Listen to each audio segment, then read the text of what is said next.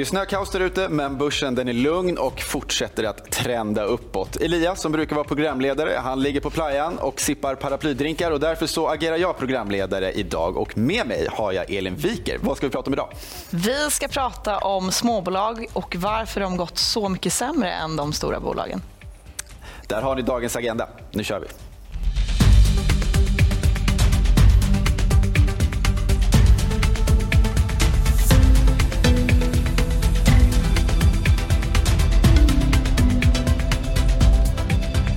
Du tittar på IG Börssnack, programmet där vi pratar om börsen och allt möjligt som rör de finansiella marknaderna. Det är tisdag den 28 november. Ja, som sagt, Elin, du är med oss i studion. Varmt välkommen. Du jobbar som analytiker på Humle Fonder. Eh. Kan du berätta lite vad gör du där på Humle Fonder? Det är en jättebra fråga och den innefattar väldigt mycket. Men jag brukar beskriva det som att mitt jobb är att få min kollega och förvaltare då, Petter att ta bättre beslut. Så det är mycket läsa, räkna, prata med folk, prata med bolag, eh, fundera, tänka det låter ju svinkul. Det är jätte, jättekul. Ja, härligt, härligt. Du, vi slänger oss eh, rakt in i eh, börsens värld och ja. Eh, tittar lite på den första grafen som vi har med oss.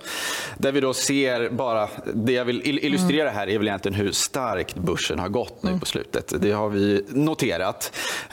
Jag har också med large cap och small mm. cap eftersom ni har en småbolagsfond. Precis. De ligger i varmt om hjärtat, de här ja. småbolagen. Vi ska prata mer om dem sen.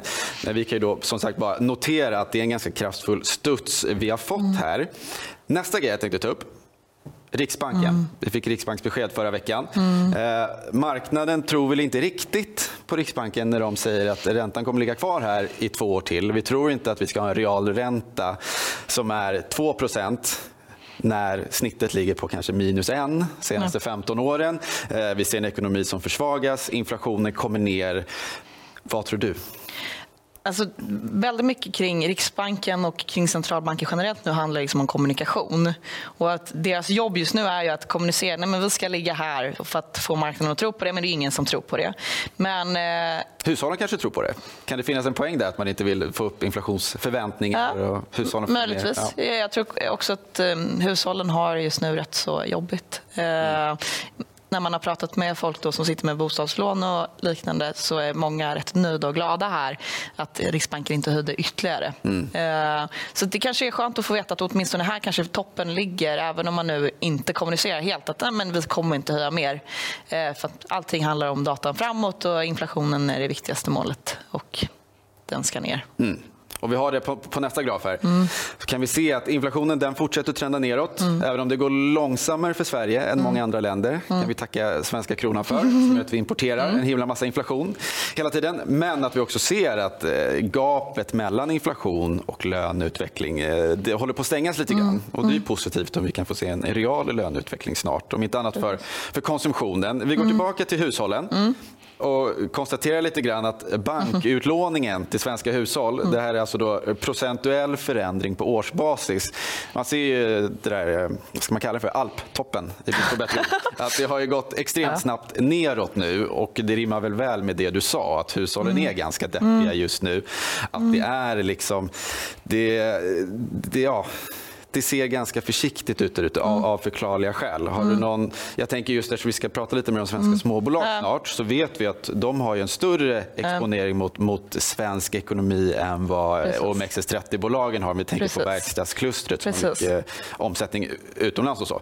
Eh, vad, är, vad är din syn, om vi ska ta tempen, på svensk ekonomi? Alltså man går tillbaka till den eh, bilden som du visade så är ju precis kanske det här man vill se då från Riksbankens och eh, centralbankens håll du vill se att den här eh, då, toppen eh, där, att det kommer ner, att utlåningen stramas åt. Eh, det är syftet med att ha en, eh, kommer jag inte ihåg, motsatsen till expansiv. Restriktiv? Ja, men precis. Ja. Eh, penningpolitik. Ja. Eh, så, och att det här ska då bidra till att vi får ner inflationen, vilket är det viktigaste mm. på sikt.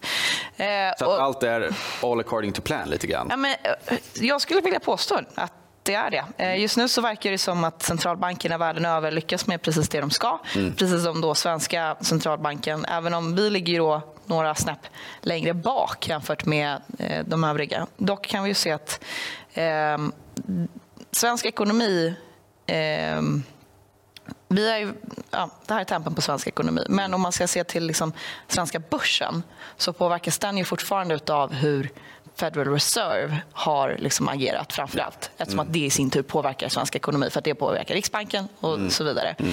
För att jag tänker om vi bara går tillbaka till liksom då när Fed kom och inte höjde räntan fick vi det här rallyt och samma med mm. inflationsrapporten. Eh, Medan när då Riksbanken valde att inte höja räntan, men då händer det inte så här jättemycket. Nej, Nej men det är sant. Så, så mm. det, det, är verkligen Fed som sätter tonen och det mm. påverkar också svenska marknadsräntor. Mm. mm. Ska tilläggas. Ja. Men du, ska vi hoppa in lite i svenska småbolag? Jag vet att du har med en massa spännande grafer. Ja. Eh, nu ska vi se om jag lyckas få fram Ja, du, tack. Eh, eh, jag tänkte att vi skulle gå tillbaka och fundera då på vad som har hänt då den här senaste tiden, men också lite längre tillbaka, mm. eh, just av svenska småbolag. Och här ser vi då svenska småbolagsindex, men nedbrutet på eh, marknads, eh, alltså börsvärdesnivå.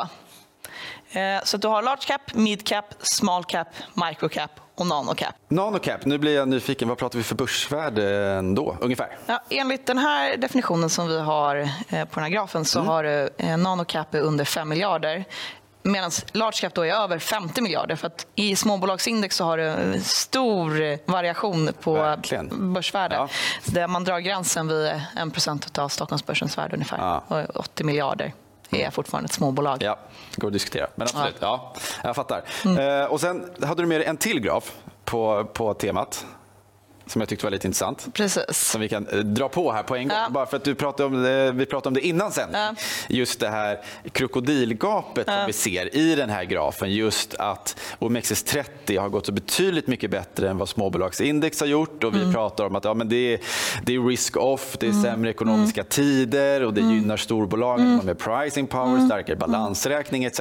Men då är det kul då, som när du tar med den här grafen, att vi ser att eh, småbolag har inte liksom vanligt vanligtvis brukar det inte bli ett sånt krokodilgap åt det här hållet, Nej. även i sämre ekonomiska Nej. tider. Precis. Du har faktiskt aldrig sett det här krokodilgapet tidigare. Utan om man går tillbaka till du ser 01 eh, krisen, IT-bubblan där som sprack. Och sen så har du finanskrisen mm. Eh, och du har corona eh, och sen så har du eurokrisen också. Att under alla dessa tider så har eh, OMXS30 gått ner mer från topp till botten än vad då småbolagsindex gjort, förutom då, då 2020. Men småbolagsindex har också studsat upp mycket fortare. Mm. Så den här typen av krokodilgap där vi har en sån diskrepans mellan stora bolag och då mindre bolag har vi aldrig sett tidigare. Nej. En, en, en, en, teori, kan det, vara, kan det hänga ihop med att vi, att vi såg liksom skenande värderingar under den här börshaussen mm. som var? Att vi, mm. på MXS30, det var ju inte så att bank handlades till P25 och verkstad till P40. Medan däremot småbolagssfären så kunde vi se alla möjliga värderingsmultiplar. Kan det hänga ihop lite att baksmällan blivit mycket, mycket värre den här gången? Absolut, det vill jag definitivt påstå. Vi hade ju en bubbla som man kan lätt säga efterhand under där 2020 och 2021 efter corona. Eh, men en annan tanke också att vi har haft de här stora bolagen som oftast är de som levererar ut de liksom produkterna, systemen och så medan de mindre bolagen är oftast underleverantörer till de här bolagen. Mm. Och de större bolagen har ju haft en stor orderbacklog att liksom ticka av samtidigt som de också behövt köpa på sig större lager som alla gjorde under 2021 och 2022. Mm, pandemieffekter. Eh, pandemieffekter. Mm. Och sen så har man behövt reversera det och då är det mycket hårdare för då drar de i stoppen ja. till sina underleverantörer som drar i stoppen till sina underleverantörer och det är där vi hittar småbolagen oftast. Mm. Eh, och sen så har vi valutaeffekterna som påverkat de större bolagen lite mer. Intressant. Mm. Eh, svag svensk krona var vi inne på ja. i, i, inledningen. Eh, den har ju varit väldigt svag, dock stärks lite på slutet. Precis. Eh, och, eh, du menar ju på då att vi har sett att utländskt kapital också har lämnat mm. svenska småbolagsmarknaden och du har en, en graf på det. Precis. Här har du först grafen på hur dåligt eh, den svenska kronan har mått och hur dåligt svenska småbolagsmarknaden också har mått. Just det. Och ska bara eh. säga då, gula linjen, mm. det är då, rätt om jag fel, Carnegie småbolagsindex. Precis. Ja, som ni har som benchmark. Som vi har som benchmarkindex, ja. som de flesta småbolagsfonder då i Sverige använder. Ja. Eh, och sen så har du då svenska kronan mot eh, amerikanska dollarn. Mm. Eh, och det har ju varit superdeppig stämning då mm. bland svenska småbolag. Men också superdeppig stämning vad det gäller... Men, om man åker ut och reser nu och och har varit svensk och har, använder svenska kronan så har det ju varit fruktansvärt dyrt. Gud ja. Ja. ja. Eh, Så att, eh, jag skulle säga att båda de här grupperna eh, har legat och gråtit i duschen. Ja, jag fattar. Och det har ju ofta varit så att en, stark dollar också är ju ett, ett sätt att se på, på risken Mm. Precis. och sentimentet Precis. Mm. på marknaden hos investerare.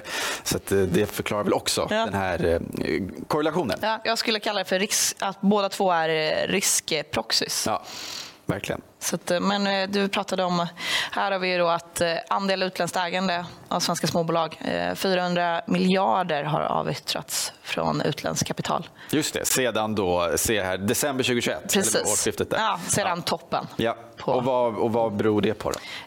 På att den svenska marknaden har, ses som mer osäker. Mm. Och det du pratade om tidigare, att den här svenska ekonomin inte verkar må så himla bra. Vi är ett högt skuldsatt folk. Eh, fastighetsbolagen är, har varit fruktansvärt högt skuldsatta. Eh, och eh, svenska marknaden kanske har varit lite av ett exceptionellt fenomen för att den, marknaden har gått otroligt bra genom åren.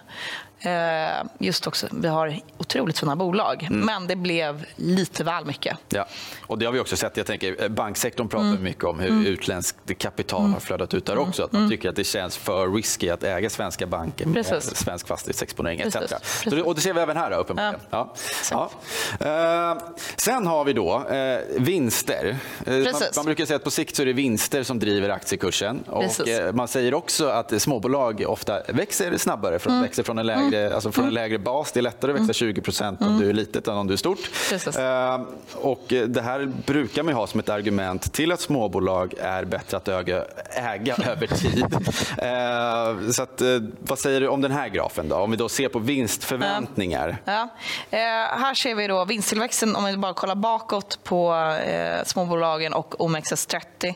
Eh, där står OMX30. Ja, det står fel i min graf. Det är helt okej. Eh, och Småbolagen har ju då genererat en årlig vinsttillväxt på 18% medan OMXS30 har genererat på 11 Det här är då på en aggregerad nivå eh, för indexen. Ja. Eh, och så därför, om man, det här argumentet håller ju om man bara blickar bakåt. Ja. Eh, Men sen så fick vi ju den här förväntningarna på att vinsterna skulle vara otroliga och fantastiska även 2022 och 2023.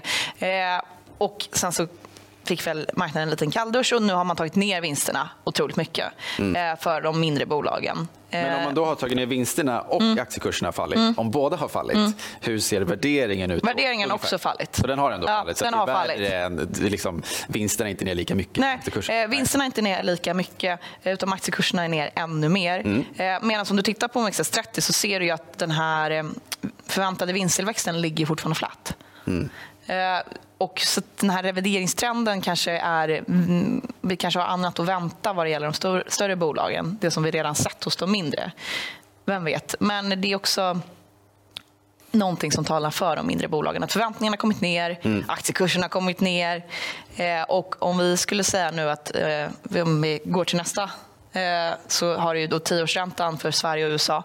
Eh, och om nu räntan också börjar komma ner Ja. så kan vi hamna i ett tillfälle där vi både har det, liksom, vi kan, värderingarna Liksom, vi kommer inte se större fall eventuellt för att Nej. man har redan diskonterat det och liksom ränteeffekten på värdering är redan eh, inprisad. Och sen så då kan vi börja istället värdera upp eh, framtida kassaflöden eftersom diskonteringsräntan sänks. Men sen så har vi också den här delen av att skuldsättningen är ju ofta större hos de mindre bolagen. Som du, och de är mer beroende av det, som du nämnde tidigare. Ja, exakt, de är mer beroende av extern finansiering. Precis. Jag, jag tog det innan sändning Ja, som ett ja, exempel. Att typ Volvo de har, de har, de har en kassa på ja. vad vet jag, är det 50, 75 eller 100 miljarder. Medan småbolag är ju mer beroende av banken, eller obligations eller aktiemarknaden Precis. på ett helt annat sätt. Och den har ju varit, vad ska man säga, den har varit iskall de senaste åren. Verkligen. Och sen så också en hel del fastighetsbolag också i Ja. småbolagsindex. Ja. Så om räntan också kommer ner så kan vi få en liten skjuts, eller i alla fall inte få lika illa på den här vinsttillväxten som vi eventuellt trodde. Eh, Det är också därför många av de här bolagen som varit högskuldsatta har gått extra bra senaste tiden. Bara just av en funktion av räntan. Men nummer två, om vi pratar liksom konjunktur och liknande, är ju att om räntan kommer ner eller åtminstone stabiliseras så kanske företag vågar börja investera igen. Så blev det en god, god får, cirkel. då får vi en god cirkel. Ja, mm. Eh, Så samtidigt som också lagerjusteringen liksom har normaliserats. Så den cykeln, lagercykeln är ur systemet. Eh, så då kan vi hamna i ett tillfälle att när konjunkturen kanske vänder, det kanske inte blir så illa som man trott. Eh, och då har vi också räntan med oss på värdering och aktiekurser men också fundamentalt i bolagen. Mm. Och då har vi liksom guld och gröna skogar. Så då börjar vi se den här vinst, vinstförväntningarna kommer vända upp igen. Den trenden kanske har bottnat ur nu, ja. vi vänder upp Precis. och då kommer det liksom agera en ja. grogrund för, för kursutveckling. Ja, intressant. Ja. Anledningen till att räntan ska ner är ju för att inflationen verkar ha bekämpats eh, eh, lyckosamt. Mm. Eh, och det, ja, till slut. Till slut. Ja. Eh, nu ska man inte ropa hej innan Ja, vi kommer säkert behöva titta tillbaka på det här tio år framåt och kunna konstatera om vi hade rätt eller fel. Eh, ja, jag har sett lite så skräckgrafer där man liksom går tillbaka till 80-talet och ser att nej, men det här är bara första vändan ner och ja. så kommer det studsa upp ännu högre. Sociala eh, medier älskar att hitta de här graferna mm, också. Mm. Eh, det, det, det, finns gott, gott om. Mm. För, det, för det är klart att vi är rädda för att ja. konsekvenserna, vi har inte riktigt sett de ekonomiska konsekvenserna nej. till fullo än nej. av vad Riks eller centralbankerna har gjort. Precis. Samtidigt måste man komma ihåg att vi kommer från ett tillfälle som vi hade vi heller aldrig hade sett i ekonomin tidigare. Så allting är ett stort, eh, liksom, en stor test bara. Mm. Vilket gör att det är lite svårt att likna vid tidigare liksom, kriser och tidigare inflationstoppar. Eh, eftersom att var vi kommer ifrån kanske är något helt annat jämfört med var man kommer ifrån då. Ja, du menar att vi, eftersom vi har haft nollräntor och centralbanker som har liksom ja, stimulerat på ett sätt vi Covid och, och hela och den externa verkligen. chocken och verkligen. hur mycket pengar som bara pumpades in. Ja. Och att då kanske konsumenterna överlever utan att någonting knäcks. Och sen så kommer det här vara mina famous last words för nu kommer bara allt ja. gå åt helvete. Okej, okay, men om vi blickar in i 2024 då. Mm. Är, det, är, det, är det en uh, bull eller bear? Tror vad tror du? Ja, det låter som att du är optimistisk kring 2024. Om man liksom går på det resonemanget som jag förde här precis eh, kring liksom, att vi får en ränta som kommer ner och det leder till det här och det här och det här. Mm. Då kan vi ha ett riktigt fint scenario på, på börsen framåt. 10, 20, 30, 40, 50 procent upp? Ja, jag, jag vill ha en siffra. Ja. En siffra. Eh, nej men jag tänker att efter eh, riktigt deprimerande nivåer som vi har sett här och eh, småbolagsförvaltare som mått skit och eh, retail-investerare som också mått skit och allt sådana här kortsiktiga investeringar blev långsiktiga för att allting gått skit. Ja. Eh, så tror jag att vi kan få en utveckling som är bra mycket bättre än vad vi har sett i år och eh, förra året. Ja, ingen siffra, men det är okej. Ingen siffra. Du slipper. Du slipper. Du slipper. eh, tack så hemskt mycket för att eh, du kom hit. Superintressant verkligen. Och eh, jag ska också påminna om att all trading och handel är förenad med risk och att det vi pratar om i det här programmet ska ses som inspiration och ingenting annat.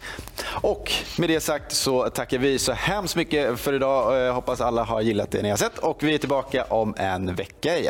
Hej då!